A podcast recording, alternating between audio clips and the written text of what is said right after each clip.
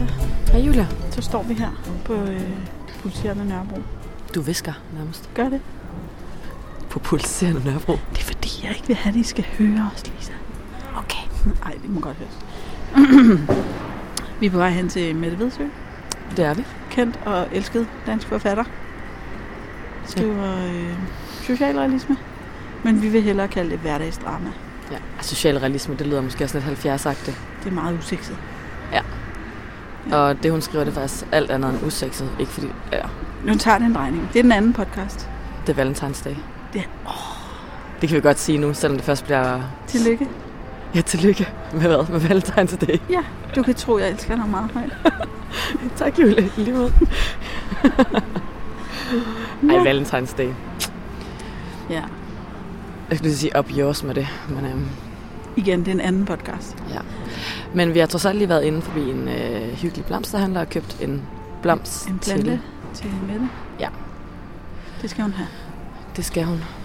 Og så vil vi gerne høre om hendes forfatterskab og hendes bøger. Ikke dem alle sammen, for hun har skrevet faktisk ret mange. Mm. Men især de nyeste vil vi gerne snakke om. Ja, det vil vi. Mange af dem de er sådan lidt til mellem, mellemgruppen, kan man sige det. Altså de her bøger på sådan Yeah. 10-12 år. Måske par hendes billedbøger også være meget, meget fedt at tale om. Ja. Let's see. Men øhm, solen skinner i hvert fald, Det er iskoldt. og det er iskoldt. Undtagen i vores hjerter. hvor der er brandvarmt. Ja. Så går vi derhen. Det gør vi. Vi lunder.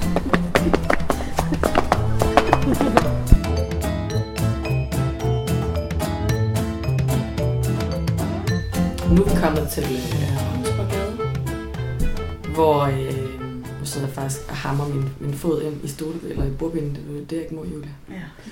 Nå. Hvor øh, du, Mette Vedsø, har din øh, lille arbejdsplads, Ja, hvor der er masser af bøger, som vi skal tale med dig om. Det er et Ja. rigtig hyggeligt sted, ikke? Er det virkelig hyggeligt? ja. Det er sådan en baggård, faktisk, ikke? Ja. Og det er koldt vejr udenfor, men det er varmt her. Og romantisk. Valentinsdag.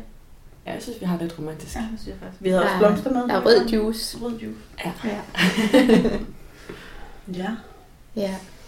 Men jeg har inviteret jer hjem, fordi jeg tænker, I måske også sådan... Altså, det er jo altid dejligt at se, hvor nogen de arbejder og, og sådan, ja, inspirerer os og har deres hverdag til at være, ikke? I forhold til at måske komme til jer. Ja. Og så er der bedre lyd. Og der er god lyd her, tror jeg. Det er Ja. stille på grund af vinterferien. Ja. Det, jeg sidder også rigtig meget derhjemme og skriver. Det er ikke kun her. Men Okay. øh, Og hvor mange år har du skrevet? jeg har skrevet omkring 10 år. Okay. Som jeg, altså, jeg kom... Jeg tænker altid sådan, da jeg kom ind på forfatterskolen, som var i 2008, så der er, det er 10 år siden i år, ikke? Det tænker jeg altid sådan lidt som mit vendepunkt. Og Det betyder jo ikke, at jeg ikke har skrevet inden, men, Nej, men det var ligesom der, jeg begyndte at betragte mig selv som forfatter og børnebogsforfatter. Du var også noget helt andet inden. Ja. Ja. ja, det var jeg. Altså, det var så sådan en proces, som jeg er blevet væk fra gennem ret mange år. Også, ikke? Jeg lavede også nogle andre ting, sådan, inden jeg blev forfatter, som ikke havde noget med det, min gamle uddannelse at gøre. Men i sin tid har jeg jo læst kemi og biologi på universitetet, og jeg arbejdede i, i cirka 10 år i medicinalbranchen. Som jo er noget Det er lidt et skift, ikke? men det, Jo. det er jo meget øh, en historie fuld af håb. Så hvis man er et barn, der sidder derude og tænker, kan jeg også blive forfatter? Ja, det kan du nok godt måske. Altså det er i er hvert fald noget, jeg, der piger folk. Ja. At jeg har en anden baggrund. Og, og man kan sige, at ja, det, det kan jeg da godt forstå. Men, men for mig var det skift egentlig ikke så stort op. Altså, Nej, det, jeg har jo bare været, altså hvad skal jeg sige, haft flere sider. Og så skulle jeg finde ud af, hvad jeg vil bruge mit liv på. Sådan, når det kom til stykket, ikke? Ja. Altså, øhm, og, og da jeg var 20, eller hvornår man vælger uddannelse, var jeg ikke parat til at, at hoppe ud i, i- sådan et, et liv, som det er at skrive. Jeg tror heller ikke, jeg helt havde modenheden til det, altså på det Nej. tidspunkt. Men har du skrevet hele tiden? Også da du... Altså, jeg, jeg har i hvert fald altid været meget altså, øh, fanget af ord, ikke? Altså, men øh, det der med at zoome ind og sige, nu skriver jeg noget bestemt, og altså, jeg tror mere, det er sådan flakset i rigtig mange år, at jeg, øh, at jeg måske skrev, altså, altså jeg, det var dengang, man også skrev breve, og jeg skrev dagbog, og jeg skrev måske også nogle små historier, da jeg var i mine 20'er, og øh, skrev om mit liv øh, sådan for mig selv. Og, altså jo, så jeg har brugt ord på rigtig mange niveauer, ikke? Mm. Og jeg kunne også godt lide at, at bruge ord, da jeg arbejdede i medicinalbranchen. Altså det var jo også sådan, jeg arbejdede også med medicinsk formidling. Mm, okay. Så altså sådan, du ved, så jeg har altid været, det har altid været mit helle, eller hvad kan man kalde det, ikke? Men, øh, men jeg ved også godt, at, at sådan det, er- altså, det er altid den der børne formid, altså fortælling, der har været i mig mere, end, end det har været at skrive for, til voksne. Mm. Det, det jeg har egentlig aldrig rigtig tænkt så meget øh, mig selv som en voksenforfatter. Nej. Heller ikke, altså før i tiden, hvor jeg sådan tænkte, at, at det måske var det, jeg skulle... Når det så er sagt, på. så synes jeg faktisk, der er flere af dine bøger, som sagtens kan læses af voksne. Altså, Ja, hvis man er en voksen, der bare gerne vil læse en kort bog. ja, Altså, øh, nogen har travlt, nogen har måske været syg eller stresset, eller Ja. kan ikke overskue øh, at gå i gang med sådan en syvbindsværk om øh, et eller andet. Meget voksent. Altså, jeg, ja, det, det er også noget af det, vi gerne vil tale om i dag, det der med at skrive kort og til børn, men samtidig med en meget høj litterær kvalitet. ikke? ja, jo. Øhm, Jo, og man kan sige, jeg sidder jo ikke og tænker, at det her er til en på 12, eller, så det vil jo ud, ødelægge alt. Altså sådan, du skriver den historie, du har. jeg skriver den historie, jeg har, ikke? og jeg synes at det er fedt, hvis man på en eller anden måde kan sige, at det er sådan en al- alderbog, som man kalder det på norsk, ikke? Mm. at den kan strække sig både til en på 10 år, en på 20 år, en på 40 år og en ældre person. Altså, der er jo også nogen, der gerne vil have et blik ind i deres barndom. Altså, hvem ikke det, kan man sige. Altså, det, det får jo også nogle ting til at, sådan at, Mm. til, til at komme på plads. Så derfor ja, altså, der er mange, især med nogle af de seneste bøger, voksne har skrevet til mig. Et, det, hvad de har betydet noget for dem. Ja. Og det er jo dejligt. Hvilke bøger er det for eksempel? Ja, blandt andet altså hest, horse, fært, bogen der, ikke? Er der er mange, der har på en eller anden måde, der har fået flere, der sagde tak for den her, og Mm. det har virkelig, Og det er den næst nyeste, ikke? Det er den næst nyeste. Og ja, også øh, langt fra det hvide hus. Ja, som er den nyeste. Tove-bøgerne får jeg også tit. Altså, øh, Ja. om det så er folk, der bare generelt godt kan lide børnelitteratur, det ved jeg ikke, men, men det har overrasket mig lidt, altså. Eller, Altså, jeg tror, det er fordi, de historier om... Øh, alt det, jeg har siddet og tænkt over, det er jo historier om venskab og mm, om at finde sig selv og øh, finde ud af, hvem man er og hvad der er vigtigt for en. Og det er jo universelt, kan man det går Ja. vi jo alle sammen og tumler med, hvad man er 10 eller øh, 42 for nogens vedkommende. Ikke? Mm. Jamen, jeg føler sig ligesom mødt og forstået. mm, På sådan en ikke omklamrende måde, men bare på sådan en sådan lidt stille måde. ja, Det er, sådan, det er sådan noget, jeg sådan på en eller anden måde synes kendetegner lidt mange af bøgerne i dit forfatterskab, det der med, at der er sådan en, at de er sådan stilfærdige, mm, og med det mener jeg overhovedet ikke kedeligt, men de er sådan stilfærdige på, altså jeg bliver rørt af rigtig mange af de bøger, der skriver, jeg kan ikke rigtig, altså det er måske netop fordi det er, det er sådan, det er det stille, det er ikke sådan noget omklamrende, sådan noget, nu får jeg sådan, bliver stopfodret med et eller andet sådan noget, Ej, det er ret underspillet. ja, det er sådan underspillet, men på sådan Ja. virkelig, øhm, Ja, jeg sad også og tænkte lidt over det i går, altså sådan, vi havde jo også talt om, at hvis man skal putte alder på, er der rigtig mange bøger for sådan, det du i, i sådan bibliotekssprog måske vi kalde mellemtrinnet eller skolesprog, ikke? mm, Altså de der fra 10 Ja. ja. til 14 år, ikke? Og så tænker jeg sådan lidt, hvorfor er det den alder, jeg synes er fed at skrive for, ikke? Altså, mm, og det er måske netop, fordi der ikke er så mange sådan konventioner i den gruppe, ikke? at du er stadigvæk, altså du er i den der ombygningsfase, men stadigvæk åben og for det fjollede og for det barnlige, og altså, Ja. hvorimod hvis du kommer lidt ind i mere det der young adult, sådan klassiske, så bliver der lige pludselig, synes jeg selv, måske du siger, det der lidt stille forsvinder, ikke? mm, så bliver det øh, en anden tone i bøgerne tit. Hvor det så måske kommer tilbage, hvis du tager sådan noget voksen ungdomslitteratur, ikke? mm, Ja. En anden ting, jeg rigtig godt kan lide, som jeg også synes går rigtig mange af dem, det er, det er jo, øh, øh, hvad skal man sige, nogle seriøse problemstillinger. Men det er jo Mm. aldrig øh, hårdt på den måde. Mm. Altså, man bliver ikke i dårlig humør. Okay. Um, Mm. man kan godt blive rørt, og man kan godt blive øh, øh, få en lille klump i halsen og sådan noget, men man Mm. bliver jo ikke ked af det. Der er meget håb. Ja. i dem alle sammen. Ja. Og jeg ved ikke, om man kan sige, at det ender godt, men altså, jeg synes, mange af de her personer, der slås med et eller andet, er jo, det viser sig, at de jo er omgivet af nogen, der egentlig gerne vil hjælpe dem. Mm. Eller øh, Jo, altså sådan, der er altid det, nogen, det er måske sådan godt. grundprincip, jeg skriver ubevidst ud fra, ikke? Ja. At, at jeg synes, det er svært i en fortælling sådan at, at tage alt håb fra, fra historien Ja. på en eller anden måde. Og jeg synes egentlig også, det er sjældent, at, at ting er sådan. Mm. Ikke? Altså, du kan, du kan være uheldig at, at, at altså, være sat et sted, hvor, hvor, hvor, det er meget, hvor du får en meget svær opvækst, eller du kan ryge ind i ting, eller hvad ved jeg. Ikke? Men altså, alligevel kan jeg godt lide det der med at finde håbet i historien, og, og finde de mennesker, der måske kan betyde noget for en i, Ja. i den situation. Ikke? Samtidig uden det bliver pussenusset, altså det, jeg prøver også at sådan have en autenticitet og ærlighed i det, jeg skriver. Ikke? Ja. Altså, Men jeg tror, det er også noget af det, der gør, at de ikke bliver så brede i alder, fordi man kan godt læse den som 10-årig, uden at få knækket sit livssyn fuldstændig, eller ja. Miste troen på menneskeheden.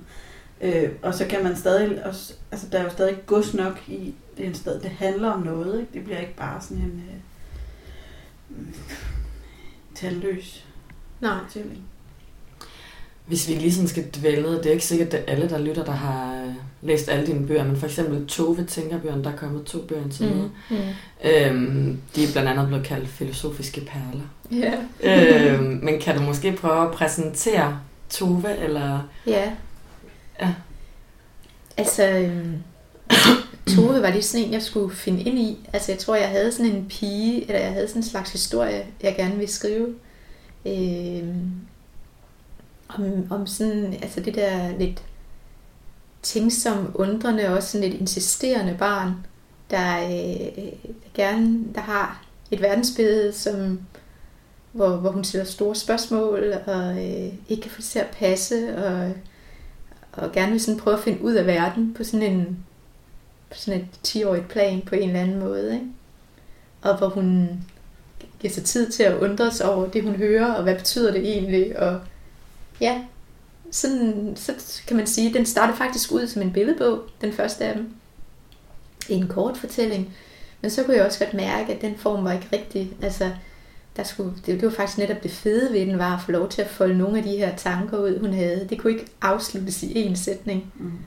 Øh, og Tove er netop sådan en, der både ser ind i voksenlivet, men også sådan rigtig er i barnelivet.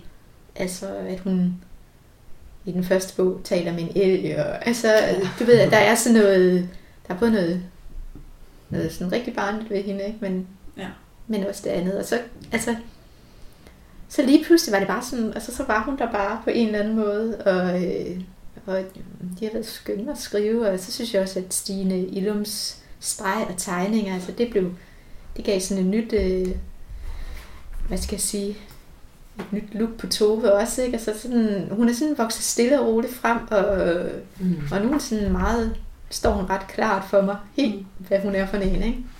Ja, for det er ikke, det er ikke billedbøger, det er sådan nogle ret sådan små, ret, ret fine, korte Ja. øh, bøger. Ja, Men de er med illustrationer af Stine Illum. ja. Ja. Og det var vi også meget i tvivl om, om de skulle med eller ej, men jeg synes, den, de er mega fede, og sådan giver en lille udbygning til historien. Mm. Øhm, og altså, jeg, jeg tror, det er meget, altså, jeg tror, der er mange børn, der har den der verden, hvor de prøver at, altså, hvor den overrumpler dem på den ene eller den anden måde, ikke? Mm. Altså, øh, og, og, og, altså, jeg tror, der er mange to børn derude, og, øh, og, og så er hun jo også sådan sjov og skæg og siger tingene, som de er, og, mm. og øh, kæmper for sin egen identitet Ja. på en eller anden måde, ikke? Altså at blive taget alvorligt. Der er det hele taget ret mange tabre børn i dine bøger. Ja, Jeg synes, det er nok det er det faktisk, de er ret tabre på sådan en, Ja, Ja. på, alt, på hver sin måde, ikke? på hver, altså det, Forskellige, men lidt sådan... men det er nok også lidt af det, altså det er svært at skrive en bog med sådan et ikke tabt barn, synes jeg. altså, Ja, altså, Eller det, er hvad? jo- det ved jeg ikke, men det er jo din hovedperson, så du, Jeg synes- du laver jo også en karakter, du Ja. selv er stolt af, eller godt kan på en eller anden måde, ikke? Altså sådan, det skal jo ud og i hvert fald Men have ja. noget på hjerte, på det, og man så har det på den ene eller den anden måde, ikke? Mm. Øh, Ja. altså Tove er jo ikke sådan en, altså hun har det også lidt svært i sin klasse, og, altså, øh, og hun kæmper jo med mange ting, så på den måde er hun jo ikke en meget, et mega udadvendt barn, mm. altså, men, øh, men derfor sådan, hun lader sig ikke bare køre over. Jeg tror faktisk, altså hvis jeg lige tænker på dem, de fleste af de bøger, jeg har læst dig, så er det, det er jo ikke nogen udadvendte børn. Generelt set, vel? Det er alle de introverte. Jeg har nok flere introverte i det, eller i hvert fald med et rigt indre liv, vil jeg sige. Ja. Altså, øhm, det er nok sådan ret typisk. Jo. Mm. Hvis vi skal sige mere om Tove, tænker øh, hvad vi bare skal sige lidt, hvad de handler om, så folk får lyst til at gå ned. Mm. Mm.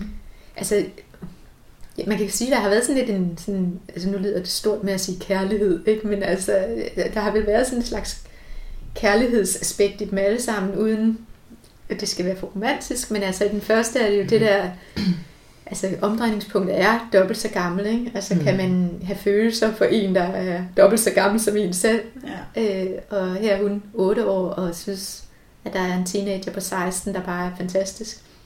Og den sådan, det er, jo, det er jo også en meget klassisk ting, at man sidder der øh, som barn, og synes ens øh, nabo er mega sej, og, øh, men så man kommer ud med det. Og, øh, Mm. og så, så det filosofiske i den er det der med, hvad er 8 år, ikke? Mm. Er det, for hende er det jo hele hendes liv øh, dobbelt op, men hvad er det, når hun er 25? Er det så lige så meget? Ja, ja. Så det er sådan det, hvad skal jeg sige, filosofiske aspekt i den bog. Og Og den den, udspiller næste- sig i Sverige, den udspiller sig i Sverige, ikke? Og den udspiller sig i Sverige, og øh, så sådan, På en campingplads, eller sådan. ja, sådan ude i skoven, ikke? Ja. Altså, øh, ja, hvor, de, hvor hun er på camping med, med forældrene og forældrenes venner. Og øh, der, der er hun altså, så har hun godt øje til Cook, som er øh, forældrenes venners søn. Og, øh, men forældrene er meget hellere, at hun skal lege med lillebroren, som er lidt yngre end hende, og det kan hun jo slet ikke sådan bære, at, Nej. At det er ham, hun skal kobles op med. Og Cook er så sød ved hende. Altså, han Mm. lærer hende en masse ting, og, og, og hun synes, at han har et ligeværd med hende. Ikke? Mm. Øhm, så ja, det er sådan en omdrejningspunkt, alle hendes tanker omkring det. Og øh, det næste er, er sådan lidt, hvad øh, om kærlighed sådan har en formel, om det er for far, mor og børn. Øh, hun skal til London og besøge sin onkel, og synes, det er synd for ham, at han er alene. Og øh, vil egentlig gerne parre ham med frisøren, som også virker som om, at de bare er et godt match. Og, øh, og det er sådan, det kan man sige, hele historien går på det, ikke? Altså, øh, jamen er du da ikke ensom alene her i lejligheden, og så videre, og så videre. Han kan ikke rigtig sådan komme ud med, at han faktisk øh, er homoseksuel, og øh, men så kommer der en, en, en fyr ind, og der flytter ind i som underbo, og så kan Tove egentlig godt se, hov, der er jo noget mellem dem, og det virker jo helt rigtigt. Øh, så det er, det er sådan lidt en undersøgelse af det, kan man sige, ikke? På, igen på Toves sådan, niveau. Mm. Og så kommer der en ny, Der kommer en til. en ny bog her Nå. til april, tror jeg, som øh, ja, den forsiden er faktisk på min opslagstavle. Jeg ved godt, I ikke kan se det, det er der lytter med, men altså, Ja. øh, den kører lidt rundt om, om gammel kærlighed kan ruste. Der var det en flot forside også. Ja. Øhm, det der med, om, om venskaber kan gå i stykker, og hvad er det der for noget med, at gammel kærlighed ruster aldrig, og hun har et venskab, Tove i Aarhus, som, som hun ikke rigtig synes er det samme mere, som det var engang. No. Aarhus for altid. Ja, Ej, det går lige i hjertet. Det er da virkelig smuk undertil. Ej. ja. Ja. Så det er, hvad kan jeg sige, det, de cykler lidt rundt, alle bøgerne, om, om sådan en, en bold, man kaster op i luften og undersøger på en eller anden måde. Ikke? Mm. Og så er der sådan bygget en handling rundt om det. Ja. Hvad for en bog har du så lyst til at tale om? Ja, hvad synes I? Måske skulle vi tage Hest Horse. Ja. Ja. Øhm, ja, den har sådan lidt anden historie, kan man sige, fordi Den har en lang titel, ikke? den har en lang titel, og det var en... Eller, Ja, Også noget med kærlighed igen. Ja, og altså sådan, egentlig har jeg fundet ud af, at, at jeg kan starte lidt med at sige, at jeg var jo selv en, et hestebarn, Mm. og har brugt øh, rigtig mange år på en rideskole. Og, og mange har jo altid sagt til mig sådan, jamen så kan du skrive hestebøger. Øh, og det ved du lige, hvordan man gør, og du må jo kunne det sådan forfra og bagfra kende til alle, til det hele. Ja. Og det var ligesom, jeg kunne slet ikke, altså jeg afskrev det bare, ikke? Jeg afskrev bare, at, at fordi jeg synes, jeg satte jo hestebøger på formel på en eller anden måde, og sagde, sådan er hestebøger, de har en speciel forside, og sådan, jeg kunne slet ikke se, at man jo egentlig kan bare vade rundt om heste og skrive fra et andet ståsted. Mm. Men så var der en, der sagde til mig på et tidspunkt, som jeg talte med, øh, vi talte lidt om bøger generelt, og så sagde hun, om jeg havde tænkt på, at, at det er den, der hedder Stigning og Fald af Josefine Klogart. Mm. Hun synes faktisk, det var en indpakket hestebog. Fordi den skrev, beskrev også meget kærligheden til heste. Det er en voksenbog. Det er en voksen bog, ikke? Ja. Og øh, så begyndte jeg at tænke på det der, jamen, man kan jo sagtens skrive et- en hestebog fra et andet ståsted, og så ligesom så kom der bare sådan en historie, sådan en blob, altså så var det lige pludselig rigtig let at skrive, Ja. da jeg ligesom havde sagt til dem selv, jeg behøver jo ikke følge hestekonventionerne, øh, eller hvad man kan sige. Også som er en virkelig ting. Altså, Altså, Ja. eller, eller altså sådan, de findes. Ja. at jeg ved det ikke. Det var i hvert fald sådan, jeg havde set det op i mit hoved, at Ja. man skrev hestebøger på en bestemt måde. Der er, der er, det er, man kan godt nærmest kalde det en genre. Altså, øh, Mm. det er ligesom Og det er også rigtigt med udseende og forside og sådan noget. krimi eller fantasy eller sådan noget, og, og det er jo bare, øh, det er jo min egen begrænsning, ikke? og min eget udsyn, der har været forkert. Så, så gik jeg i gang med den der ud fra sådan min måde at skrive på, så var det jo dejligt nemt, fordi jeg har den baggrund med Mm. staldbaggrund, ikke? Men så har jeg faktisk lagt mærke til med bogen, at altså, så sker der selvfølgelig noget. Det, den kommer ikke kun til at handle om heste, den handler om Det handler lige så meget om, om venskab, ikke? venskab mellem to piger, og, og det her sådan venskab, der er lidt ulige måske, ikke? for du møder en, der kommer et helt, fra et helt andet miljø end dig selv, Ja. og du måske netop har et venskab, fordi du har en passion, du kan dele. De har hestene og altså noget, det, det, der klikker man lige som to puslebrikker ikke? I, i det miljø, men udenfor er det måske lidt mere sårbart, og så den der voksen fra hinanden, ikke? Ja. Mm. Øh, og det kan jeg også mærke med, hvem... Altså, den kan virkelig læses med mange briller, for nogen har slået rigtig meget ned på den del af, af bogen. Altså venskabet og, og, og det ulige venskab, og, og den side af den, hvor nogle andre føler sig genkendt i hestekærligheden. Mm. Ja. Og, og de... Øh, altså det der med... Den har jo prøvet at beskrive sådan lidt mere poetisk måske. Altså sådan... Ja. Det der øh, besættelse af, af en hest, som man kan få som barn, og, og ja, også kan få som voksen, ikke? Men altså...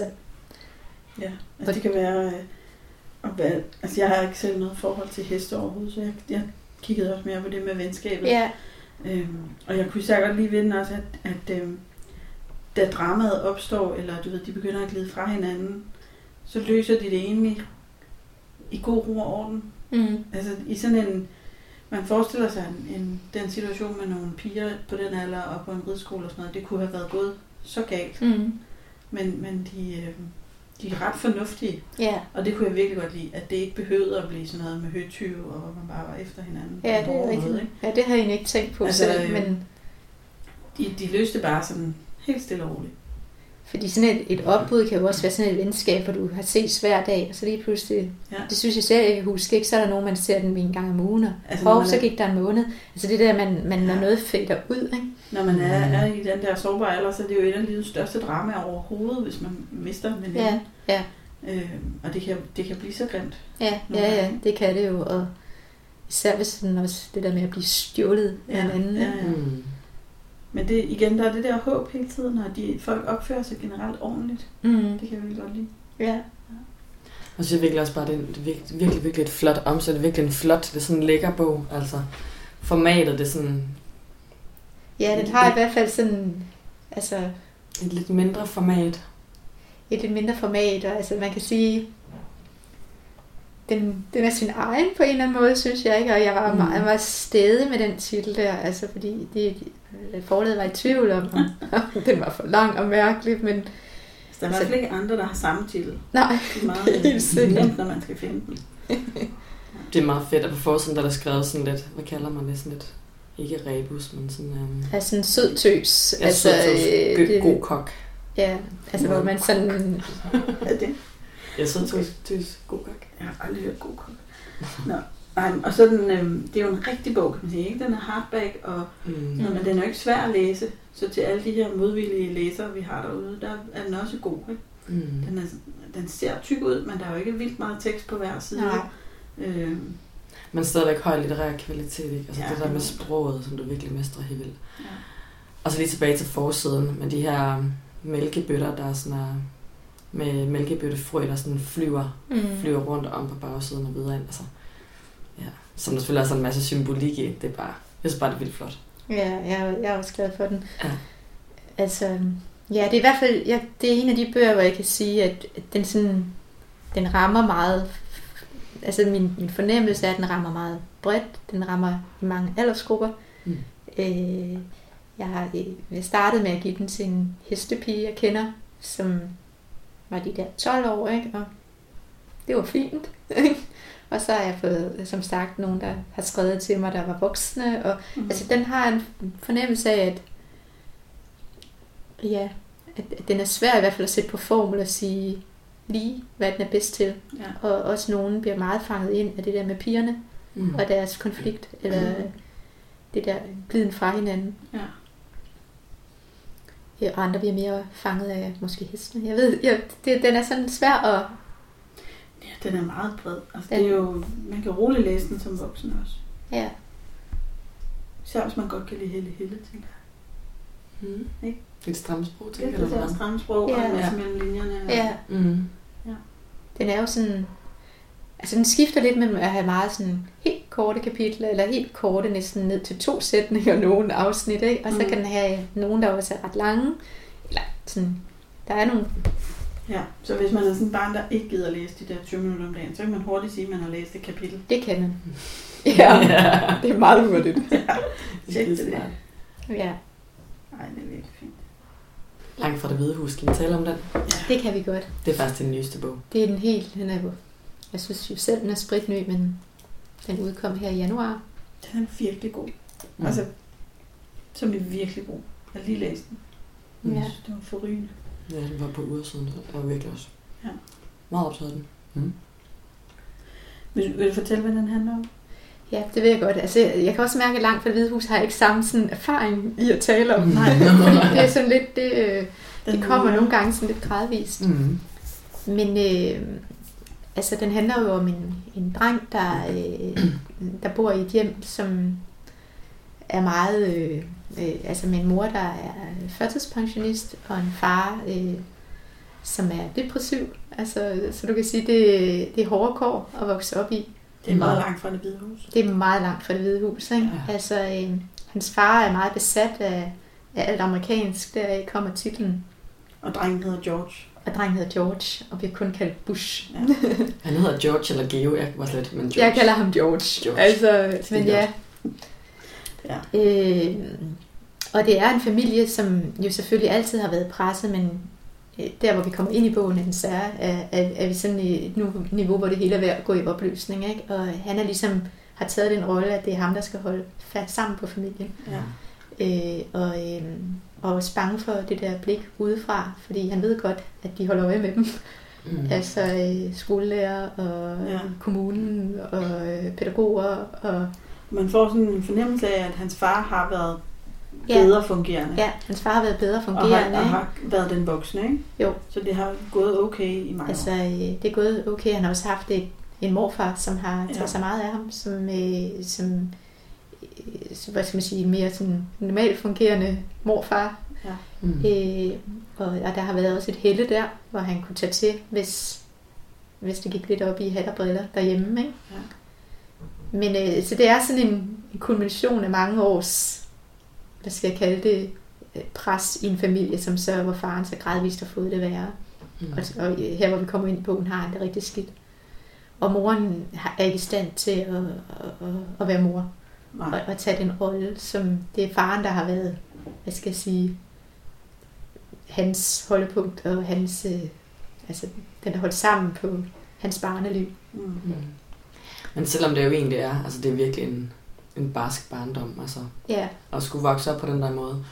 Men du får alligevel sådan beskrevet det som om, at ikke som om, at det ikke er så hårdt, men det er ikke sådan, det bliver ikke sådan hardcore social realisme på sådan en in your face Nej. Det bliver stadigvæk igen på den der ja, stille måde, så man Ja. sagtens forstår det. Men jo også fordi George igen er, er et tappert barn. ja. Mm. Altså, Mm. han Ja. holder hovedet højt, ikke? Jo. Og han, han har rigtig meget øh, humor, ironi omkring sin ja. egen situation. Ja. Mm. Han, han fejler ikke noget. Altså, han er jo mega fornuftig. Altså, han, øh, altså man kan jo også sige, at nogle gange kan, altså hvis, hvis du er den rette støbning som barn, så kan modgang jo også give dig en modenhed og en indsigt, ikke? og den har han i hvert fald. Ikke? Han kan Mm. se nogle ting, som måske jævnaldrende ikke kan, Ja. øh, kvæg det, han sådan har, har været igennem. Ikke? Men øh, han har også, altså, han har også haft gode stunder i Ja. sit liv. Ikke? Han har Mhm. haft øh, sin morfar, han har haft sin far, der har haft det bedre, og der har, det har ikke været, som det er Nej. i bogen, vel? Hele, Og hvor gammel er han i bogen her? Ja, hvad er han? Han går i 8. Er han 15, tror jeg? Ja, nu skal jeg lige Ja, sådan. 14. Ja, 14, Ja. 15. Ja. Var, ja. Øhm, men altså, det er sådan hele den der, altså, man kan sige, det er en bog om, om det der med, at nu, nu kollapser det øh, i bogen, ikke? Eller, eller i, i hans liv. Og, og hvad sker der så? Ja. Mm. Og, og man kan også sige, det er også en bog om, er det altid bedst at blive boende hjemme? Ja. Mm. Altså, hvad, hvad har et barn egentlig, altså sådan meget overordnet set, for at blive boende hjemme, ikke? Er det bedst for ham at, at, at være der, eller er det bedst for ham at komme et andet sted hen? Ja. Øh, det var sådan set min første, hvad skal jeg sige, tanke med bogen, ikke? Mm. Det der med, altså, hvad er bedst for et barn? Mm. Ja. Ikke? Altså, og, og, så, så snakker jeg om tonen, og det, det har været sådan det virkelig store arbejde med bogen blandt, altså også, det er at finde den der balance mellem alvorlighed og humor, ikke? Som, øh, som jeg synes, jeg rigtig gerne ville have i den her bog. Ikke? Så den ikke blev sådan... Altså, det lyder jo trist, trist, trist, ja. Ikke? Men altså, altså, jeg tror lige så mange også vil grine af visse kapitler. Og, altså, eller, der er meget sjov i den også. Ikke? Altså, jeg synes, man kom hele følelsesregistret igennem, ikke? jo. Ja, det er, jo en ret, det er jo en ret varm og humoristisk bog, selvom altså Mm. på ja. nogle punkter. Og hen mod slutningen, der er særlig en side. Nu siger jeg jo ikke lige, vi skal jo ikke afsløre sløre det, men der blev jeg virkelig rørt. Ja, ja. Altså, Ja. øh, og det er jo igen på grund af, ja, bare sådan noget helt, det er bare sådan nogle få sætninger, nogle få, eller måske netop det, det der ikke står der, sådan, som bare sådan Ja. går lige ind sådan, og det er måske, for, det er jo altid forskelligt fra person til person, hvad det lige er, men Mm. der, ja. Så jeg synes faktisk også, man kom igennem Ja. Jeg har været ret nervøs ved den, altså fordi jeg Mhm. tænkte sådan, altså øh, kan den lige sådan, altså har, rammer den der, hvor den ligesom hverken vipper til den ene side eller den anden side, ikke? Ja, det synes jeg, den gør. Men kan altså det, øh, jeg kan mærke jo på den måde, at folk læser den, at de forstår den fuldstændig, altså, Mhm. og øh, det er jo der- det er jeg jeg er super glad for, at den, at den bliver forstået, som jeg gerne vil have, at den skal forstås eller øh, læses, ikke? Ja. Og den gør det ved folk, som jeg gerne vil have, at den skal gøre Ja. altså det, det ved jeg ikke, om man kan sige, men Ja. ja. Jeg tror, den, man kan forestille sig, at den kommer på alle dansk lærs pensum kunne også godt. Sådan frem, 6. 7. og op, Ja. Mm. helt klart. Det kunne jeg også godt forestille mig. Jeg tænker tit på, at sådan nogle bøger, som vi er så glade for som voksne, ikke? Om, om, om børn selv tager dem, når jeg står nede på børnebiblioteket? Mm. Så, så tænker jeg utrolig meget over, hvad, hvordan jeg udstiller, og hvad jeg sætter frem, og Mm. mm. hvordan får jeg børnene til at tage alle de gode bøger, der er. Ikke? Mm. Mm. Og nogle af dem er jo fuld af glimmer og meget sådan blikfang. Og Mm. Det er nemt nok, ikke? Og jeg er 100% enig med jer i, at de her er så flotte, og jeg kan virkelig godt lide dem. Men jeg, jeg ved ikke, hvordan øh, børn reagerer på sådan en forside. Om de altid selv tager dem. Og det er Nej. derfor, at det er vigtigt, at man som voksen tager sit barn med på biblioteket og siger, den her tager vi lige med hjem. Ikke? Og hvis de, hvis de synes, den ser øh, for kedelig ud, så må man starte med at læse den højt. Eller øh, Mm. selv læse den først, så man bedre kan overbevise sit barn om, at det er Mm. det værd. Ja, det er altid en god idé. Ja. Det der med at læse det første kapitel højt sammen, Ja. det synes jeg er Nå ja, ja. Og som bibliotekar er det 100 gange nemmere at formidle det, når man selv har læst det, fordi Ja, altså, så kan man bedre sælge den med Mm. hvad skal man sige, den rette begejstring i stemmen. Ikke? jo. Øhm, Men det, jeg tror altid, det vil være et dilemma, det der mellem, hvad vi synes er æstetisk Ja, og ja, lækkert, ja, og hvad børn lige får øje på. ja. Mm. Jeg har ikke mødt nogen endnu, der, der kunne begge dele 100%. Det er rigtig svært. Altså, jeg synes selv, forsiden er rigtig fed. Jeg synes, altså, det er mega fedt. Men, øh, Ja. Og, øh, og det der, altså, altså, der er også rigtig mange, der har sagt det til mig, men selvfølgelig er det mest voksne, som jeg hører fra. Ikke? Men jeg tror også, at den her langt fra det hvide hus, den er mere appellerende til børn. Men der er sådan nogle veje på kryds og tværs, og nogle små biler, og en donut, og nogle huse og sådan noget. Der sker helt vildt meget. Ja, Hvor at jeg tror sådan en som den med hest, horse festival, altså det er meget øh, voksenæstetisk. ja, det er rigtigt. Og det er der ikke noget galt med Nej. overhovedet. Det er bare noget, der optager Mm. mig meget, den der. Det er også interessant. Hvordan i alverden får, Men vi, altså, øh, får vi de to verdener til at mødes? altså sådan, det der, altså æstetik og børn er jo en svær ting. Ikke? Ja. Altså, og hvis man gerne vil skrive noget, som eller hvad skal jeg sige, at man gerne vil bryde nogle ting, og altså prøve at præsentere ting på en lidt anden måde, så risikerer man måske, at den bare bliver overset ikke? Ja. af børnene. Fordi de måske er opdraget i et vis udseende og, Ja. og den slags. Men jeg synes nu også, at, at det modsatte kan være tilfældet, ikke? Hvor, hvor voksne måske pålægger børn, børnene sådan en, en Det vis, øh, at de, de synes om farver, og de synes Ja. om øh, tegninger, der er tegnet på en bestemt måde, eller er lidt aflæselige. Ikke? Mm. Fordi børn jo også er i et meget visuelt univers, hvor de præsenteres for rigtig mange forskellige ting, ikke? Ja, og måske næsten er mere vant til at se på billeder end, end voksne. det er det. De er vildt dygtige billedlæsere. Ja. Altså virkelig. Men det er måske mere, når man snakker billedbøger, ikke? Altså, at, at, at det, det er i hvert fald der, hvor jeg oplever, at børn egentlig sådan er meget altså, Ja. åbne over for mange stilarter, ikke? Jo, det synes jeg også, det er. Og det er jo også sådan med, altså billedbøger kan jo læses af, ja, de er mange billedbøger fra, fra ja, sådan småbørnsalderen og så helt til, altså for eksempel en pige med piksko, som vi måske kan tale om lige lidt, den har, den har jeg læst højt for 0. klasse. Jeg har også Mm. haft elever i 9. klasse, der har brugt Mm. den til afgangsprøven, ikke? Men jeg synes, når jeg læser den højt fra, fra 0. klasse, det der med, når de ikke sådan helt kan læse endnu, Mm. så, så bruger de jo billederne og kigger vildt meget på billederne. Mm. Øhm, og de er vildt gode til også at finde sådan symboler, uden at det skal være sådan dansk læragtigt, men altså bare sådan, Ja. sådan til at forstå en pointe via billederne mm. også. Ikke? Altså forstå sådan en del af fortællingen, som jo også udspiller sig, Mm. både teksten og billederne. Men en pige med piksko, vil du fortælle om den? Ja, Det vil jeg gerne. Altså, det, øh, det handler om en pige, som, øh, hvor igen, hvor altså forældrene skal skilles, eller det er også sådan igen lidt, lidt et hårdt emne, ikke? men altså den er skrevet sådan på en lidt eventyragtig fasong, hvor, øh, hvor øh, omdrejnings, altså omdrejningspunktet i historien er, at hun skal dele sine sko.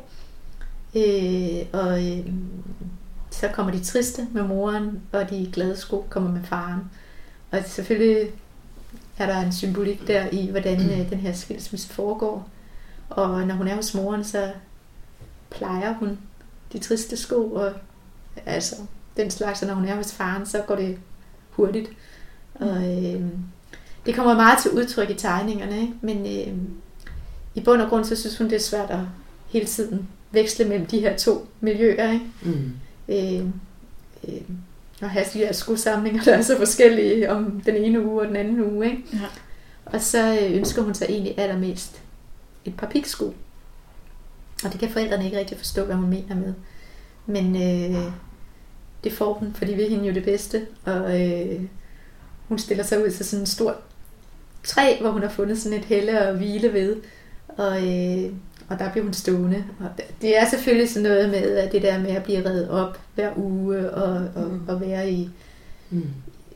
øh, i en omtumlet, sådan, have et omtumlet liv. Ikke? Og øh, det der med, at det hun allermest, allerhelst ved, det er at stå fast, som jo er sådan et moderne begreb. Det er vist det også. Øh, altså det er svært at forklare en billedbog i ord, synes jeg. Mm. Fordi Ja. at, øh, at der ligger så meget også i tegningerne, og der ligger meget i, at den er sådan lidt skrevet på sådan lidt eventyragtig måde. Mm. Og jeg tror også, det er det, når du siger, at den kan gå til mange alderstrin, er måske netop det der med, at den bliver opfattet meget eventyrsagtigt i de små klasser. De synes bare, det er skægt med alle de her forskellige sko. Og øh, måske er der nogen, der forstår lidt mere end andre, og måske er også... Ja, jeg har i hvert fald opdaget, at børn, der selv lever i, i sådan en familie, hvor der er brudt op, de forstår det bedre end dem, der, Mm. Ja, der ikke er. de ser noget andet. De ser noget andet. Og ikke? dem, der ikke har problematikken til ind på livet, de ser bare eventyret og Ja, sjove skruer. Præcis, ikke? Mm. Det, det er i hvert fald det, jeg har opfattet. Det har egentlig været ret fedt. Øh, at det, at, at opleve. Så man kan sige, selvom det, altså ja, det er en bog, der handler om skilsmisse og det svære ved det for børnene, men den kan også bare læses på sine egne præmisser, fordi det er en god Det, det fortælling. synes jeg egentlig, den kan. Ikke? Jamen, altså, det er Øh, at, at, Mm. det, det er i hvert fald det, også de tilbagemeldinger, jeg får. At, Mm. Mm. at jeg var jo i, altså jeg har jo været ude med den, og jeg var blandt andet i Herning, hvor, hvor en hel skole arbejdede med den en hel dag. Og det var jo også skægt at se den der sådan, altså hvornår begynder man at forstå symbolikken, hvornår forstår alle symbolikken, altså, og i de små klasser, de synes bare, at det her med skoene var mega sjovt, ikke? Og de skulle alle sammen lave en, en sko, der repræsenterede noget i deres liv, noget trist og noget godt, og det er svært at forklare, men altså det var en, det var en skæg, Det var fedt. øh, det var en skæg oplevelse. Og det viser bare, at, at nogle billedbøger i hvert fald, tror jeg, kan læses ret bredt. Øh, det, er, vel- det er selvfølgelig ikke nogen overraskelse, men det er nogle gange også lidt svært at se, når man har skrevet en bog selv, om det er Ja. en, af de, sma- en af dem, der lige sådan rammer ind i syvårsalderen eller seksårsalderen, eller om det faktisk bliver en, der kan bruges ret bredt. Og det har så vist sig, at den, det kan den. Og i og med, du også siger, de er oppe i den i 9. klasse. Ikke? Jeg har, der har de virkelig hævet, øh, hævet meget ud af den. Ja, Både på det sproglige plan og på illustrationerne. Og, ja. men nu er det jo også nogle, altså Anna Jacobine Jacobsen, som har lavet illustrationerne, altså de er også, jeg synes simpelthen, de er så fantastisk fine. Altså, og det var sjovt, da jeg fik den tilbage, var det lige mit billedunivers, der ligesom, det, de teg, det, den, sådan, det indre blik, jeg havde haft af historien, ja. havde hun faktisk tegnet. Det var ligesom, hun havde været inde i min hjerne. Nej. Det er lidt creepy. Det var, det var, det var faktisk mærkeligt. Men hvordan foregik det? Så du skrev teksten, så sendte du den til hende, og så tegnede Ja, hun? så tegnede hun, ikke? Men, Mm. men så, øh, altså, så var de så fine, at jeg sådan, altså så gennemgår man teksten igen, og jeg lavede faktisk en hel del rettelser, fordi der var så meget, der bare kom ud Mm. gennem billederne, så det behøvede Mm. slet ikke at være med i teksten. Okay. Altså, at det, det, det, det, det var jo lige foran en, den Ja. ja. sætning, ikke? så den kunne jeg bare strege. Ja. øhm, så så det, det var den måde, det foregik. Vi, altså, vi havde ikke øh, startet den i fællesskab. Altså, teksten lå færdig, ikke? da hun fik den. Så har du lavet en anden billedbog med en anden illustrator, nemlig Camilla Slusinska. Ja, ja det er også sådan. Og hun er også så dygtig, Ja. synes jeg. Øh, den hedder Glemmer du, og øh, den handler om øh, en pige, hvis farmor bliver dement, og øh, begynder at glemme ting, og ja, hvad er det, hun gør? Hun gør tossede ting, altså øh, Hun putter underlige ting i køleskabet. hun kører mærkelige ting i køleskabet, og så skal hun flytte, og kan ikke bo hjemme længere, og skal på plejehjem, og altså sådan en, en helt, hvad skal jeg sige, almindelig udvikling, ikke? Mm. Øh, men øh, de voksne sådan, prøver meget at fastholde hende, farmoren i sit gamle jeg, og, øh, og sådan spørger, hvad hun har fået til frokost, og spørger, øh, hvem det er, der er på billederne på hendes væg på plejehjemmet. Ikke? Og øh, Susie, som er hovedpersonen her, hun, hun kan godt se, at det, altså det gør hende stresset, ikke? Altså, øh, og, og det får faktisk en masse at det gør hendes sygdom værre, at hun bliver spurgt så meget. Mm. Og hun prøver i stedet for sådan at være i hendes tossetheder, altså i hendes demens og nogle af de sjove ting, hun siger, og sådan være med i det og spille på det, så de nærmest sådan lidt leger sammen, ikke? Og, og øh, at hun får sådan ligesom farmoren med ud på en rejse i plejehjemmets have, hvor de både er i Grønland og i USA og ser indianer, og, og farmoren har en fest, og Altså det er ligesom den der historie om at sådan være med det, der er, i stedet for på en anden måde, at vi, vi ændrer det, ikke? Altså, øh, og, og, og prøve at finde den, der ikke er der mere, ikke? Mm. Det er i hvert fald det, jeg har, forsøgt at, at, at gøre med den her historie. Og Susies far er jo også helt vildt, altså han er jo selvfølgelig helt vildt ked af, at, Ja, at hans mor er syg af, af demens, men så Susie lærer ligesom også ham, hvordan han, Ja, på hvordan- en sådan indirekte, hvordan, hun sådan, hvordan man sådan kan, han ser måske det. den der lethed gennem barnet, ikke? At det er Mm. meget vigtigt, at du måske bare altså, går med hende, i stedet for at, at vi har din gamle mor tilbage. Ikke? Mm. Hun har måske heller ikke, hun har, synes jeg har jo ikke det samme blik, som en voksen har, når, når deres forældre bliver syge, vel? Altså, og hun kan også synes, noget af det, hun siger, er sjovt. Ikke? Og det er det også nogle gange med en dement. Altså, jeg har selv haft en dement mor, så det kommer selvfølgelig også lidt af det. Ikke? Men altså, øh, Mm. altså det der, at, at øh, nogle gange var en fest at have børnene med, fordi de bragte en lethed ind i noget, der var svært. Ikke? Ja. Det er heller ikke et emne, der er skrevet så meget om til børn. Jamen nærmest ingen. Jeg synes ikke, jeg kender andre end den. Altså, der er måske skrevet nogle sådan meget øh, faktuelle bøger, hvor ja. de sådan på altså mere pædagogiske bøger. Så det har jeg jo prøvet at lade være med, selvfølgelig. Ikke? Jeg har skrevet mere sådan, Ja. bare en historie om det. Men det må være noget, mange har, kender til, ikke? Har en bedsteforældre eller noget. Der. Rigtig mange, ikke? Ja. Det tror jeg også. Altså, øh, jo. Og det er øh, også meget mærkeligt, ikke? At se sådan en, der var... Altså, der er en, der begynder at sige sådan nogle sære ting. Og, ja. ikke? Jo, ligesom bliver en helt anden. Ja. Det må være så svært. Ja. Det må Mm. virkelig være svært. Og sådan en bog som den der, den kan jo... Hvis der er nogle børn, der oplever deres bedsteforældre, der bliver syge, så kan mm. den jo Mhm. bruges til at samtale om det. Men man kan også ligesom med en pige med pigsko, kan man jo også sagtens bare læse den, fordi det er en sød og sjov fortælling. Altså. Ja, det håber jeg, ikke? Altså, at det bare Ja. sådan en almen bog, Ja. ikke? kan man sige, om, om alder, og hvad det vil sige at blive syg, og hvad, Mm. mm. altså, ja, eller hvad det vil sige, bare acceptere hinanden, som acceptere man er. hinanden, som man er, ikke? Ja, lige Ja. præcis. Det, og sådan synes jeg, det er med al litteratur. Altså, altså, det er jo bare øh, det der med at få et blik Mm. ind i, i noget, altså at man lige pludselig forstår bedre nogle ting, som man ikke forstod før. Ikke? Altså det er vel også derfor, vi selv læser nogle gange. Ikke? Man føler, at man får en lille gave, og man bliver lidt klogere på noget. At man forstår noget, som måske man, man ikke vidste noget om før. Ikke? Mm. Ja, både det at forstå noget, man ikke vidste noget om før, men også det med at føle sig set i noget, man i høj Ja. grad godt vidste noget Det kan om også før, være, ikke? Ja, Og som man så får fornemmelsen af, at man ikke står alene med. ja. Ja, det kan virkelig være en delelse. Ja. Men sådan Ikke også en, sig alene i verden. Ja, præcis. Altså det er begge ting, ikke? Men Ja. altså det der, det er på en eller anden måde et autentisk blik, altså noget, hvor man kan føle, at, at der er, ja, den der autenticitet i fortællingen, ikke? Mm. Ja. Ja, der er jo masser af bøger tilbage, Ja, kan man sige. Vi har, jeg kan huske det første program, Lisa, da vi sad ude i haven for mm. Halvandet år siden. Der nævnte du den der 2 plus 2 af Coco. Mm. Den havde vi med der. mm. Den er altså også ret vild med. Ja. ja.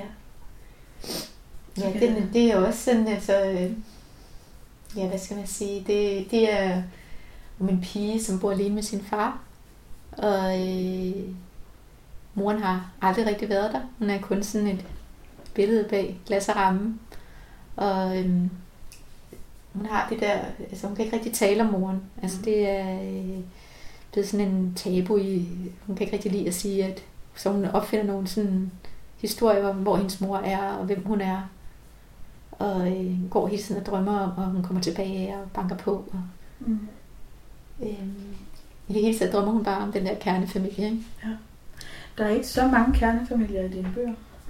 Nej, det er der vist ikke, vel? Det er der ikke. Så er der død og citronmåne, der er faren død. Ja, Alting ramler, der er også lige på kanten af en skilsmisse, ikke? jo. Ja, det er rigtigt nok. Det er sådan familier i opbrud tit. Det er familier som mm, skæve familier, og Ja. øh, Men stadig meget hvad skal jeg, altså, ja, troværdig eller realistisk, Ja, ikke? Det er jo, jo. ikke noget øh, hysterisk drama. Det er det der sådan stille nære, som jeg tror rigtig mange af os kender på den ene eller den anden. mm, Mm. der kan også være det lidt sådan observerende, ikke? at der er nogen, der ser ind i andre familier. Ja. som det er i stav til psyko, for eksempel, ikke? Altså, øh, det der med, om- at ting kan være, altså den familie, man tror, der er perfekt, måske slet ikke er det. Og Mm. Det er en ungdomsbog. det er en ungdomsbog, ikke? Ja. Øh, ja, så er der Vera og videre med Vera, det er også Skilsmisse. en skilsmissehistorie. Men selvfølgelig, altså, det er jo også et eller andet med, at det ikke skilsmissen, der kun er den historie. Altså, det er jo noget med at beskrive det liv, der Ja. er rundt om en situation, ikke? Og om at Jo, og det er jo også, hvad skal man sige, altså nu er jeg jo ikke forfatter, men jeg forestiller mig, at for at skrive en bog, så skal man også have noget at skrive om. Mm. Der skal jo ske et eller andet, ikke? Mm. Jeg fik et spørgsmål på et tidspunkt fra en, jeg kan ikke faktisk ikke huske, i hvilket forum det var, om det var på noget bibliotek noget, eller en, der hørte podcasten, eller om det var via min blog. Men det var mor, der skrev til mig, at hendes barn var meget, hendes datter var meget øh, følsom, og hun blev øh, simpelthen så oprørt, næsten ligegyldigt, hvad hun læste, ikke? Om, om jeg kunne anbefale nogle bøger, hvor der, hvor der ikke skete noget farligt. Mm. Og jeg har tænkt over det lige siden.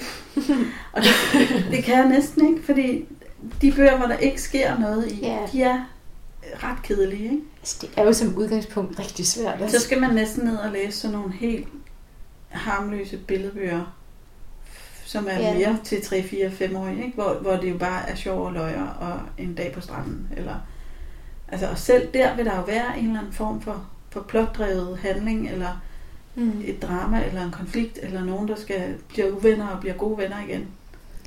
Altså, man kender det jo selv, når folk fortæller en kedelig historie, ikke? hvor det er bare sådan en, der, hvor Ja. der ikke sker noget. Altså, der skal jo på en eller anden måde være en form for spændingskurve. Og man, man kan også eller- stande helt op på de store navler og sige, sådan er livet jo heller ikke. Nej, Og det er ikke fordi, jeg ikke respekterer, at der sidder nogle meget følsomme børn derude, der ikke har lyst til at læse om død og ødelæggelse og sådan noget. Men, men øh, de lever i den samme verden som os andre. ja. De bliver aldrig helt fri for det. Og det er ikke fordi, jeg synes, de bare, så skal de bare det så her. Alle mulige barske historier. Men der kan man jo netop bruge sådan nogle historier som dine, der handler om noget, men som er fuld af håb og Ja. sympatiske personer. Ja. Og ikke, der er jo ikke nogen, der er sådan her... I, måske i nogle af ungdomsbøgerne er der Mm. nogen, der er rigtig onde. Ikke? Ja, ja. Men i dem til øh, billedbøgerne og mellemtrin og sådan noget der, der er jo ikke nogen, der er rigtig onde ved hinanden. Nej, altså det er jo også spørgsmålet hvad er det, altså, hvad ja. Ja. er det, der berører en, ikke? Altså Ja. det, er jo, det er jo også meget forskelligt, ikke? Altså, og hvad, altså en, en rigtig ond, ikke? Nej, det synes jeg heller ikke. Nej. Altså, øh, Og selv dem, der har det svært, de, de er jo, som vi talte, de er jo tapre, eller de, de holder Mm. hovedet højt, så finder de på en løsning, og så kommer de videre. og jeg synes jo heller ikke, verden generelt er sådan noget med, at det er fuldt af rigtig onde mennesker. Altså tit har folk jo to sider også, ja. altså selvom det kan se trist ud udefra, ikke? Så, Ja. altså, skal man da passe på, at man ikke gør sine personer for ensidige i hvert fald. Ikke? Ja. Ja, præcis. Altså, at det, at det, Men det er også en tid i den anden vej. Man kan jo heller ikke skrive en, tror jeg, men det bliver svært at skrive en interessant bog om en person, der bare er helt ensidig god og harmløs og aldrig tænker noget dårligt om andre, eller ikke roder sig Ja, ud i noget på nogen Ja. måde. Ja. Så skal man blive siddende hjemme jo, ja, alene. nej, altså det, for. Men jeg synes også, jeg ved ikke, jeg kan ikke huske, om vi taler om det der med, ja, det er tabre børn og, og så videre, men det der med, at der også der er håb, men der er, sådan, der er også hjælp at hente sådan fra, altså nu yeah. kommer jeg til at tænke på Dumme Lille, øh, Ja. billedbogen, der står derovre. ja, Øh, ja det, det er også rigtigt. Der kommer også en gammel dame ind og, ja. og, og prøver at hjælpe hende, ikke? og prøver at få Mm. noget sådan selvværd ind i hende, Mm. ved at sige nogle, nogle ting til hende, hun ikke er vant til at få at vide. Ikke? Ja. Øhm, Så jeg synes, vi har tidligere talt om den der nordiske børnelitteraturtendens, hvor alle folk har det meget hårdt, og det hele er så forfærdeligt og sådan noget. Der synes jeg faktisk ikke, vi er med dine bøger.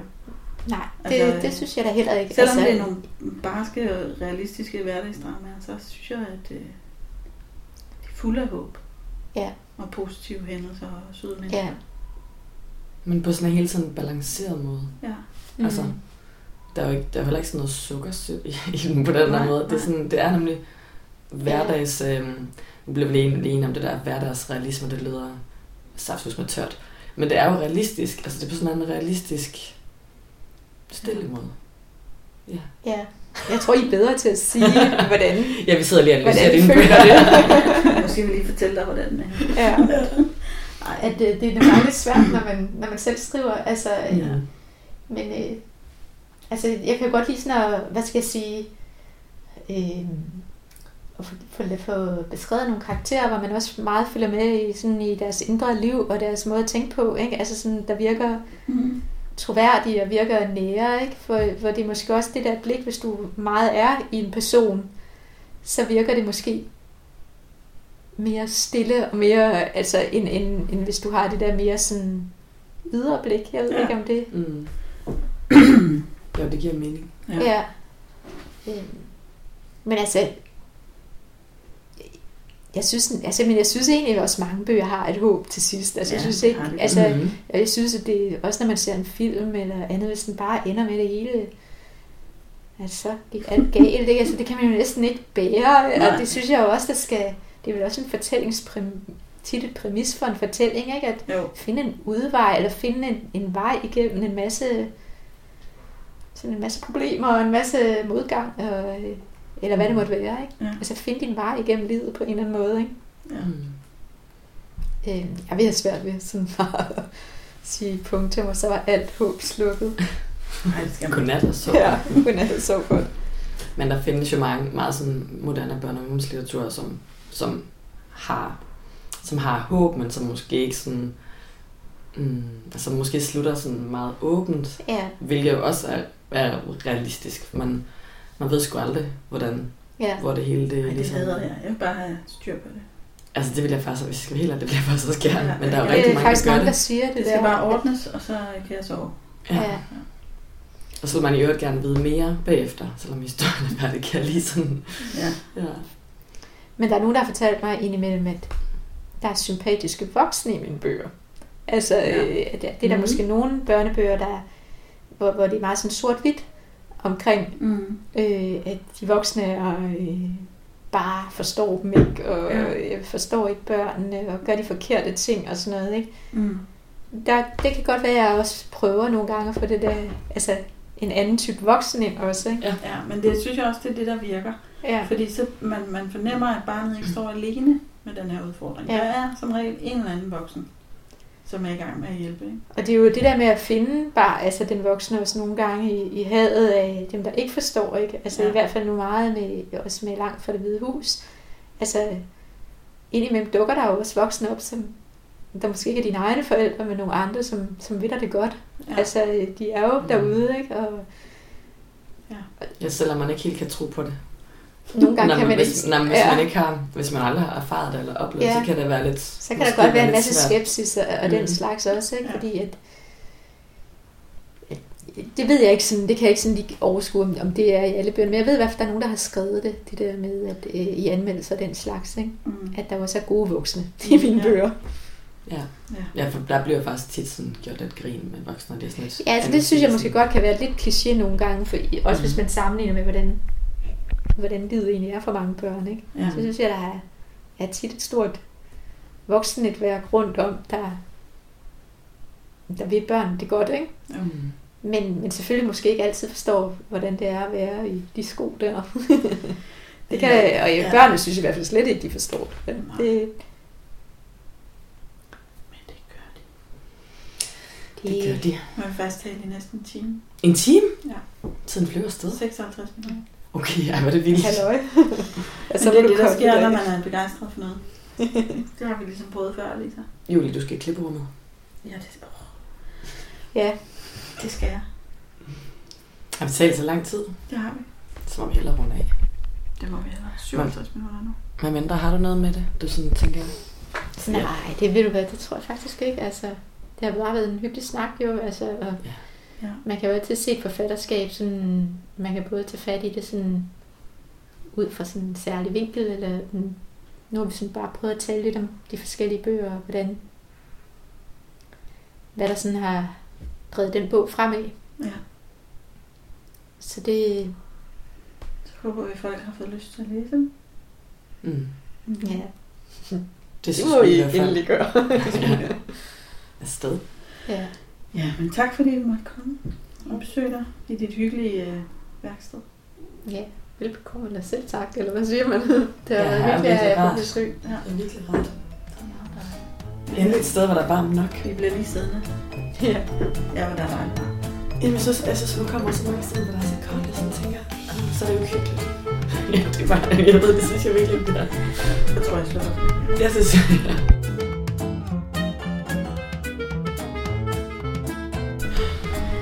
Lisa, så er vi færdige med Mette Vedsø. Det var en sand fornøjelse. Absolut. Vi har stadig varme hjerter. Nu også efter kaffe og passioneret snak. Og croissanter. over. Ja. Ej, det var dejligt at høre. Gode bøger. Vi håber, at alle folk vil læse dem. Fordi der er virkelig noget at tage fat på. For lidt for en smag. Og aldersgruppe. Det er det. Det var, det var en hy- hyggelig, dejlig formiddag. Dejlig formiddag. Nu skal vi videre ud i øh, storbyen og solskinnet. Det skal vi nemlig. Skal du på øh, en masse romantiske dates? Eller er det også en anden podcast? Det er en anden podcast. Men altså, håbet var lysegrønt. Det er ikke sådan, vi siger. Ja, lad os bare sige det. Skal du det?